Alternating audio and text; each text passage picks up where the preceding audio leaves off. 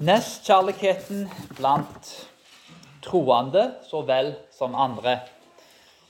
En jeg kjenner, vokste opp i kirkesammenheng. og Han sa at grunnen til at han ikke i dag er kristen, er pga. at han ble ikke behandla rett av kristne. Gandhi i India, som gjorde mye godt for rettigheter til indere, sa at Jesus var et stort eksempel på ham. Men problemet med Jesus var det at uh, ingen klarte å følge opp eksempelet hans. Og Grunnen til at han ikke var kristen, var pga. kristne. Han sa at om kristne hadde fulgt Jesus, så hadde alle i verden vært kristne. For Jesus var et så utrolig stort eksempel at uh, hadde kristne bare etterfulgt det eksempelet, så hadde alle vært kristne. Uh, min bakgrunn er jo i, i kristen trosforsvar. og jeg er også veldig overbevist om en del av disse argumentene. Måten vi som kristne bærer kristennavnet på, er kanskje mer ansvarlig for ateisme enn noe annet. Det er det alltid det argumentet som kommer igjen. Kristne etterlever ikke sannheten, og derfor kan ikke jeg tro.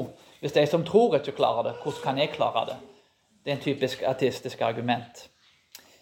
Det er ikke noe som er et større vitnesbyrd enn når du da kanskje treffer en person som klarer å leve etter den sannheten. En person som lever et hellig og rikt liv i ydmykhet og kjærlighet.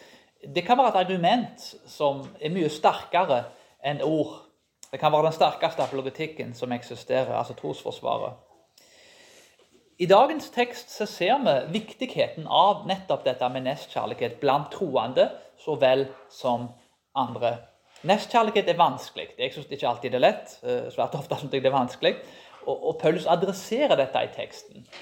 For Vi vet fra Korinterbrevet her at Paulus er ikke glad Eh, når han skriver dette brevet. Det er mye tykt og mye rettesettelse. Så til og med Paulus her må praktisere nestkjærlighet i brevet. Der han skriver til en kirke som har grove synder, der han prøver å irettesette dem. Så det er denne nestkjærligheten i brevet og blant troende andre som vi skal se på. Det er tre ting som vi skal se på spesifikt.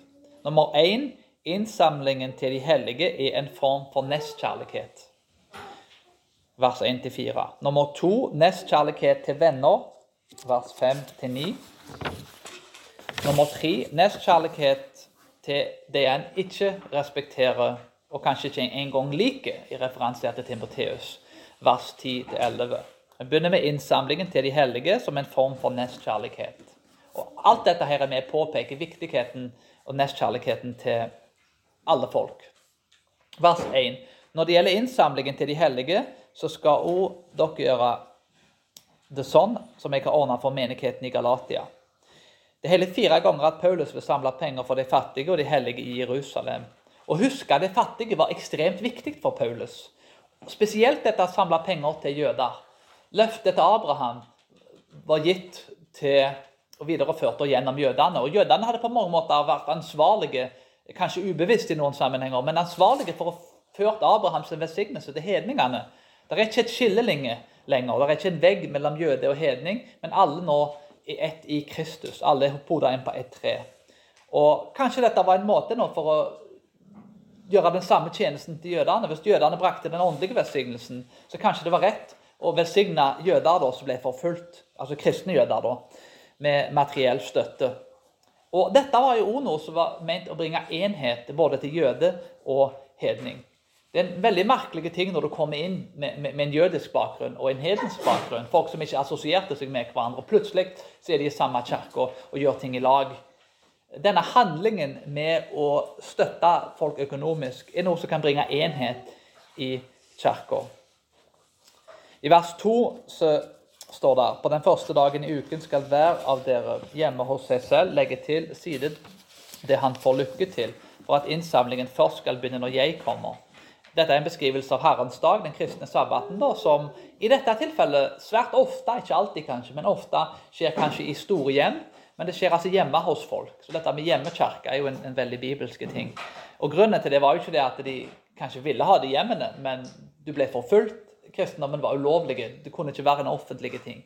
Så det var kanskje mer praktiske årsaker til det. Og mer personlige ting. Vers 3-4. Det er vanlig at jøder sendte tempelskatt til Jerusalem og sendte en troverdig person som de stolte på til å ta med seg disse pengene. til Jerusalem. En mann da, som kanskje hadde et stempel eller en, en form for en autoritet med seg, der han kunne motta gjestfrihet når, når han overleverte da, pengene til de hellige. En mann som de stolte på, som tok med seg pengene og overleverte det. Dette var noe jødene praktiserte, og virker som noe som kristne da gjør og fortsetter med, som en tidligere jødisk praksis. Du går tilbake til dette at dette med innsamling av penger her da, blir en form for nestkjærlighet. Johannes 13, 35, Av dette skal alle kjenne at dere er mine disipler, at dere har kjærlighet til hverandre. Kjærlighet er jo en praktisk ting. Men i dette tilfellet da, så er det jo da at en må støtte spesielt jødene så vel som andre økonomisk. For dette er et spørsmål om liv og død for folk. Folk blir forfulgt og sitter kanskje i et fengsel. Altså ikke et norsk fengsel med, med, med datamaskin og iPad, men nesten et fengsel som ser ut som ei grotte. En, en våte plass som, som ikke altså, er immune mot fuktskader. Og så du, så du, altså, du blir sjuk av å sitte på en sånn plass, og du er avhengig av at folk kommer og gir deg mat hvis du blir satt i fengsel. Så vel som andre typer forfølgelser som er svært utfordrende. Så dette er altså, et snakk om liv og død. Så du må støtte folk for at de skal klare seg økonomisk, og kanskje til og med overleve i troen. Og denne kjærligheten her er veldig sentrale.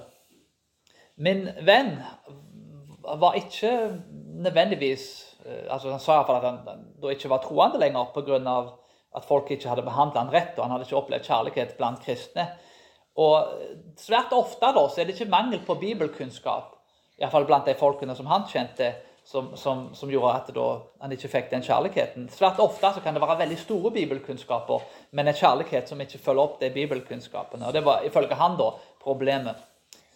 Så Det er jo en veldig triste ting når en hører sånne historier.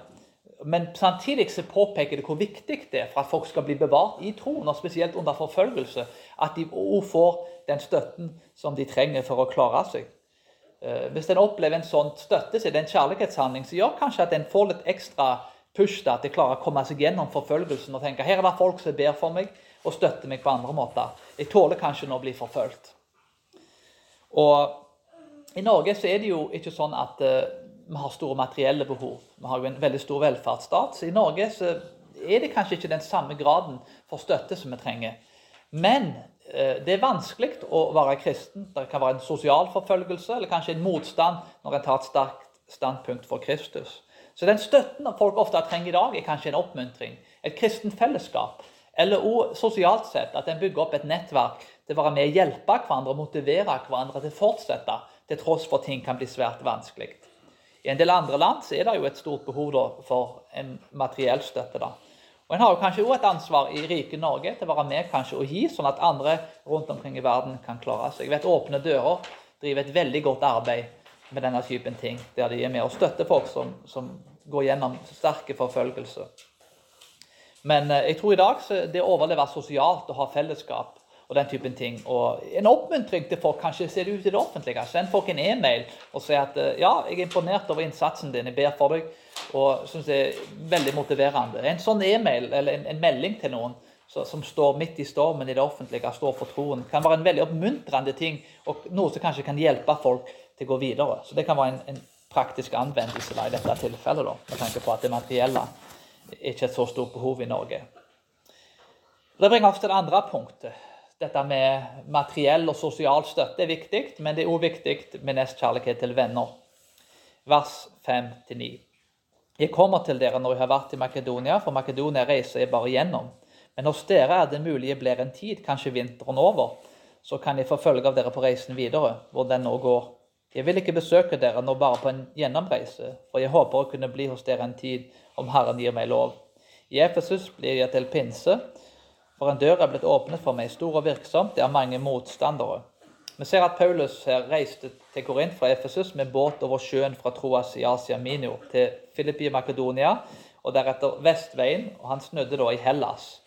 Eh, dette er Paulus' andre misjonsreise i Apostelens hjerne, kapittel 16.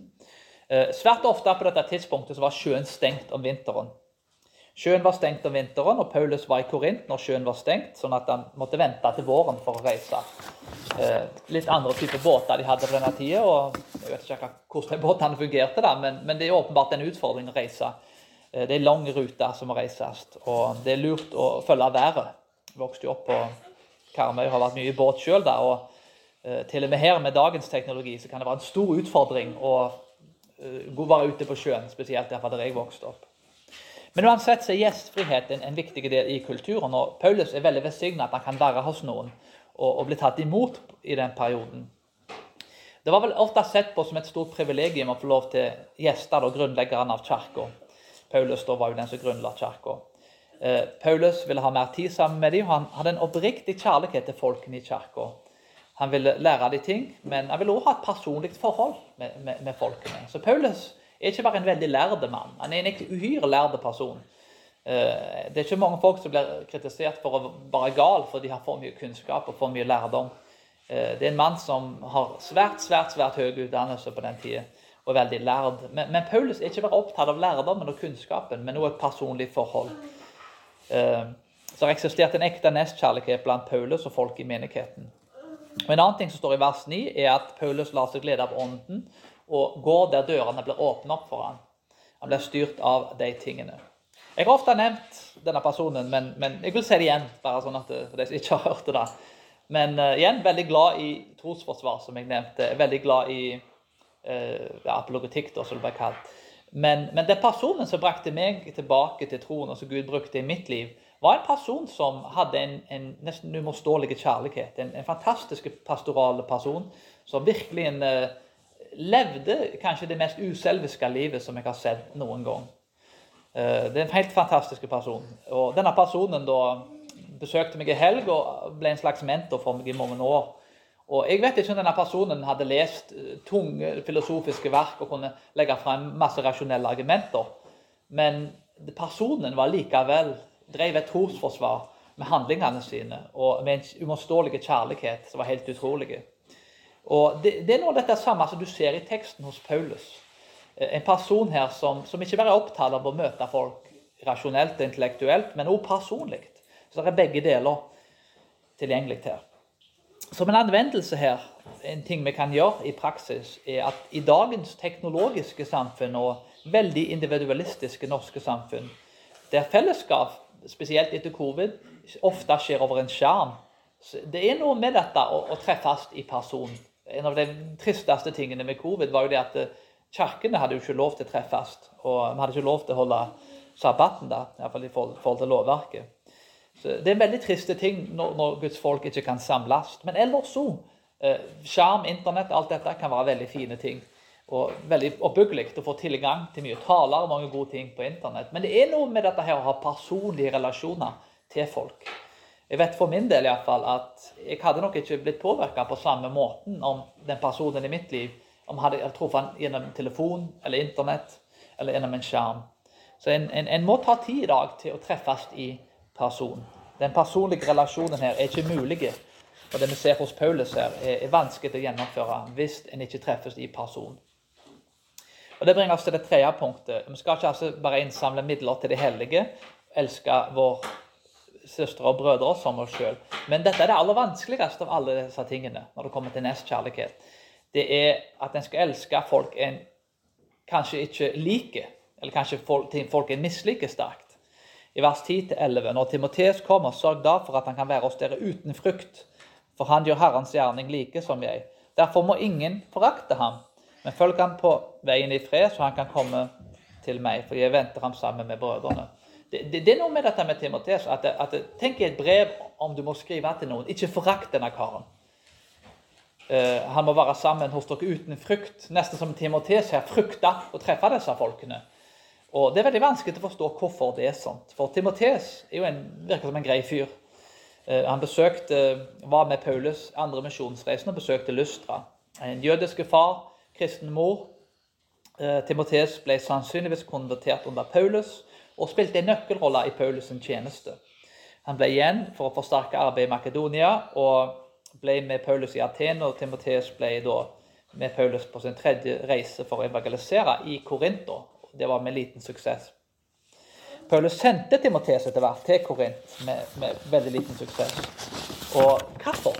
Hvorfor var ikke Timoteus suksessfull? Altså, sendt rett ut av Paulus, fått lærdom av uh, Paulus sjøl Tenk å sitte under Paulus. Men nei, da hadde du virkelig blitt utrusta. Vært mye bedre enn et teologisk seminar og sittet under Paulus. Men eh, Timoteus var nok sannsynligvis for ung, uerfaren, men han var også kanskje for greie.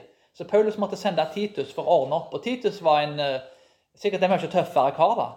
I Korint var syndene såpass grove at det, kanskje det trengte en, en mye tøffere kar for å fikse opp i ting. Timoteus sine beste kvaliteter var hans pastorale instinkt, omsorg og lojalitet. Eh, Paulus måtte ordne opp sjøl til slutt, fordi Timoteus var kanskje ikke direkte nok. Men, men disse syndene i Korint, eh, seksuelle synder så vel som andre synder, var, var, var, svært alvorlige til og med i forhold til dagens standard. Vi sier alltid at ting er så mye verre i dag. Men når vi går tilbake til Korint, så tror jeg ikke vi kan si det da, med, med god samvittighet. Men det virker uansett som Paulus og Timoteus hadde et svært nært forhold. Og Timoteus var en mann med høy kvalitet, men han var nok ikke i samme grad som Paulus, en mann som var villig til å irettesette. Paulus var en mann med stor kjærlighet, men når det kommer til korinterne, så, så, har han svært mye refs og irettesettelse å komme med.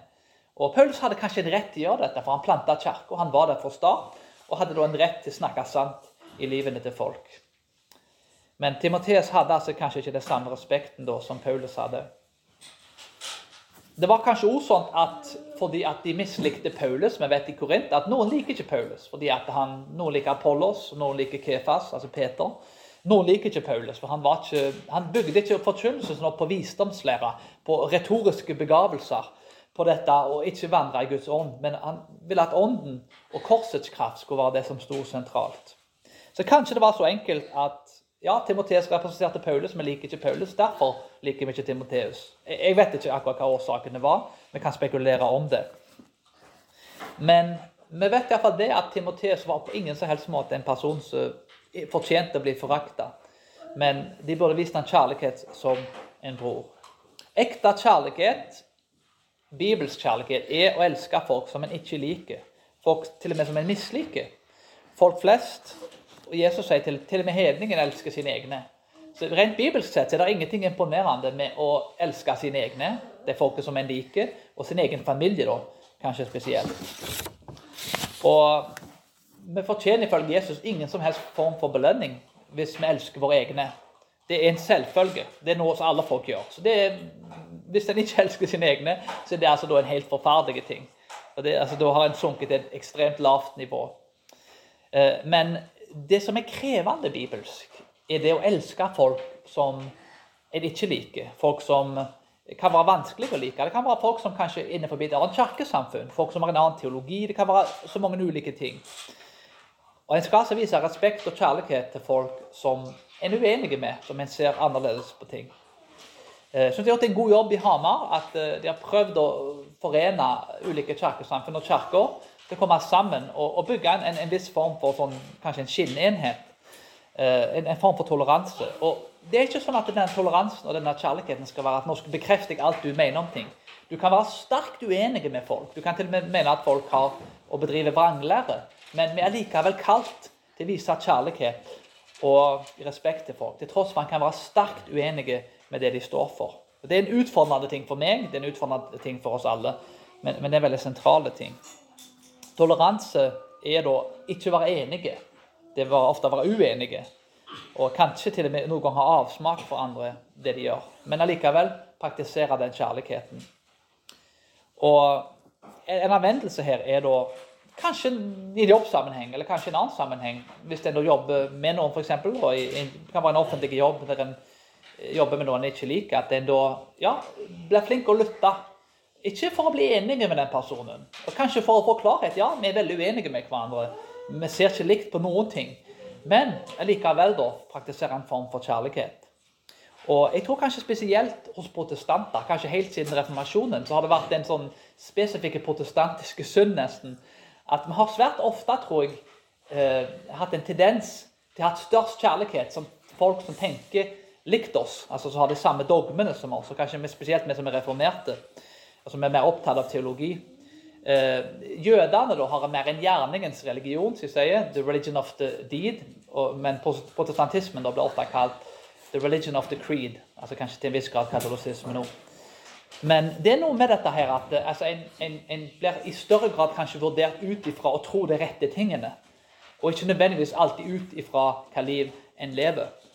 Men i, i realiteten så skal vi elske altså Bibelen definerer standarden for oss. Samaritaneren, den barmhjertige samaritaneren viser oss at samaritaneren er jo et folk som jødene hater. De hater dem bokstavelig talt, fordi de var egentlig hedninger.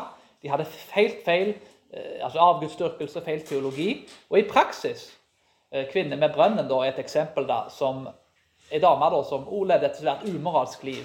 Så personen som er umoralsk, og personen som driver på med ganske grov avgudsdyrkelse Dette er personen som vi skal elske. Så standarden blir så måte ekstreme at du skal ta den personen du liker aller minst, og vise den mest kjærlighet. Det er viktige ting rent bibelsk sett at Jesus kritiserer fariserer og sadukerer mye mer enn han kritiserer syndere og tollere. vært ofte i kirka, og jeg har sikkert gjort dette sjøl flere ganger, men jeg, har, gjør det ofte motsatt. En viser mest kjærlighet til folk innenfor kirka, og mindre kjærlighet til de som er utenfor. Rent bibelsk sett så, så mener iallfall jeg at det bør være akkurat motsatt. En bør være mer sjølkritiske mot seg sjøl og mot vår egen kirke, og, og utad strekke ut ei hånd og vise større nåde og, og, kjærlighet. Og Grunnen til det, grunnen tror jeg til at Jesus viste mest kjærlighet til uh, syndere og tollere, er at fariserene og sadukenere, de konservative og liberale på den tida, som var religiøse folk, hadde fått mye mer lys de hadde fått det som sto i Bibelen. De kunne budskapet. De hadde memorisert og de kunne det ofte utenat. Og dermed så forventa Jesus mye mer av dem. Den som har fått mye, skal forventes mye av, som det står. Så det kan være en viktig ting her å strekke oss mot å elske folk uansett hva teologien har, og kanskje til og med hvordan folk lever. Det er en vanskelig ting å utføre, og jeg lever ikke opp til det eksempelet på noe som helst vis. Men det er likevel en ting som vi må strekke oss mot. Så Det er altså de tre tingene her som jeg vil bare oppsummere kjapt. Å hjelpe folk eh, i lidelse og i forfølgelse, kanskje med økonomiske midler, eller støtte dem sosialt. Nummer to elske våre venner er nestkjærlighet. Nummer tre å elske folk vi egentlig ikke liker, er den største formen for nestkjærlighet. Og nok en gang, jeg vet for min del at uh, hver eneste dag så oppnår ikke jeg dette målene. Jeg, jeg, jeg, faller kort for dette hver eneste dag. Jeg elsker ikke folk rundt meg på den måten som jeg bør gjøre. Han som påvirker meg Jeg er veldig uenig med teologien hans, men, men, men den mannen hadde et rykte på seg blant alle andre som jeg traff, at han, han, han, levde uselvisk på alle vis. Og Jeg vet for min del at uh, teologisk er jeg veldig uenig med han, men, men jeg, han, han er ti hakk over meg når det kommer til å leve uselvisk. Så jeg strekker ikke til. Og det er jo heller ikke han som, som da kom mye lenger enn jeg gjorde. Men det er gode nyheter midt oppi dette her. Kristus forakter synden en milliard ganger mer enn du og jeg forakter synden. Og, og for så vidt andre mennesker kanskje til og med som ikke liker. Jeg håper ikke vi forakter noen. Men, men, han hater synden ekstremt sterkt. Men til tross for han hater synden i våre hjerter, så kom han ned og døde for syndene i oss. Det er et guddommelig hat mot synd som ikke kan beskrives mot ord som Gud har. Og Gud hadde full rett til å hate oss. Han kunne hate oss, og det hadde vært en legitim ting å gjøre. Vi synder mot han hver dag, vi opprør mot han. Men han var ikke ute etter å utslette oss, sånn som vi fortjente, men han var ute etter å utslette synden i oss. Han elsker så høyt at han gav sin sønn den enbårne, at verden som tror på han ikke skal gå fortapt, men har evig liv. Litt sånn eh, kristen klisjé her. Du skal elske synderen, men, men ikke synden. Men, men, det er et viktig budskap. Han er veldig overbrukt, men allikevel en viktig påminnelse at vi må hate synden. Det er synden i oss som driver oss til onde handlinger. Er ikke, altså Vi er skapt i Guds bilde. Folk rundt oss er skapt i Guds bilde. Gud har skapt alle folk i sitt bilde, og han har dødd for mennesker. og Dermed må vi vise nestkjærlighet. Men vi kan allikevel hate gjerningene og synden i oss sjøl så vel som i andre, uten nødvendigvis at vi ser på den personen som er skapt i Guds bilde, og, og, og, og hater da personen. Vi skal altså hate synden og ikke personen. Med det i minne, så, så la oss be. Himmelske Far, vi ber om at du hjelper oss.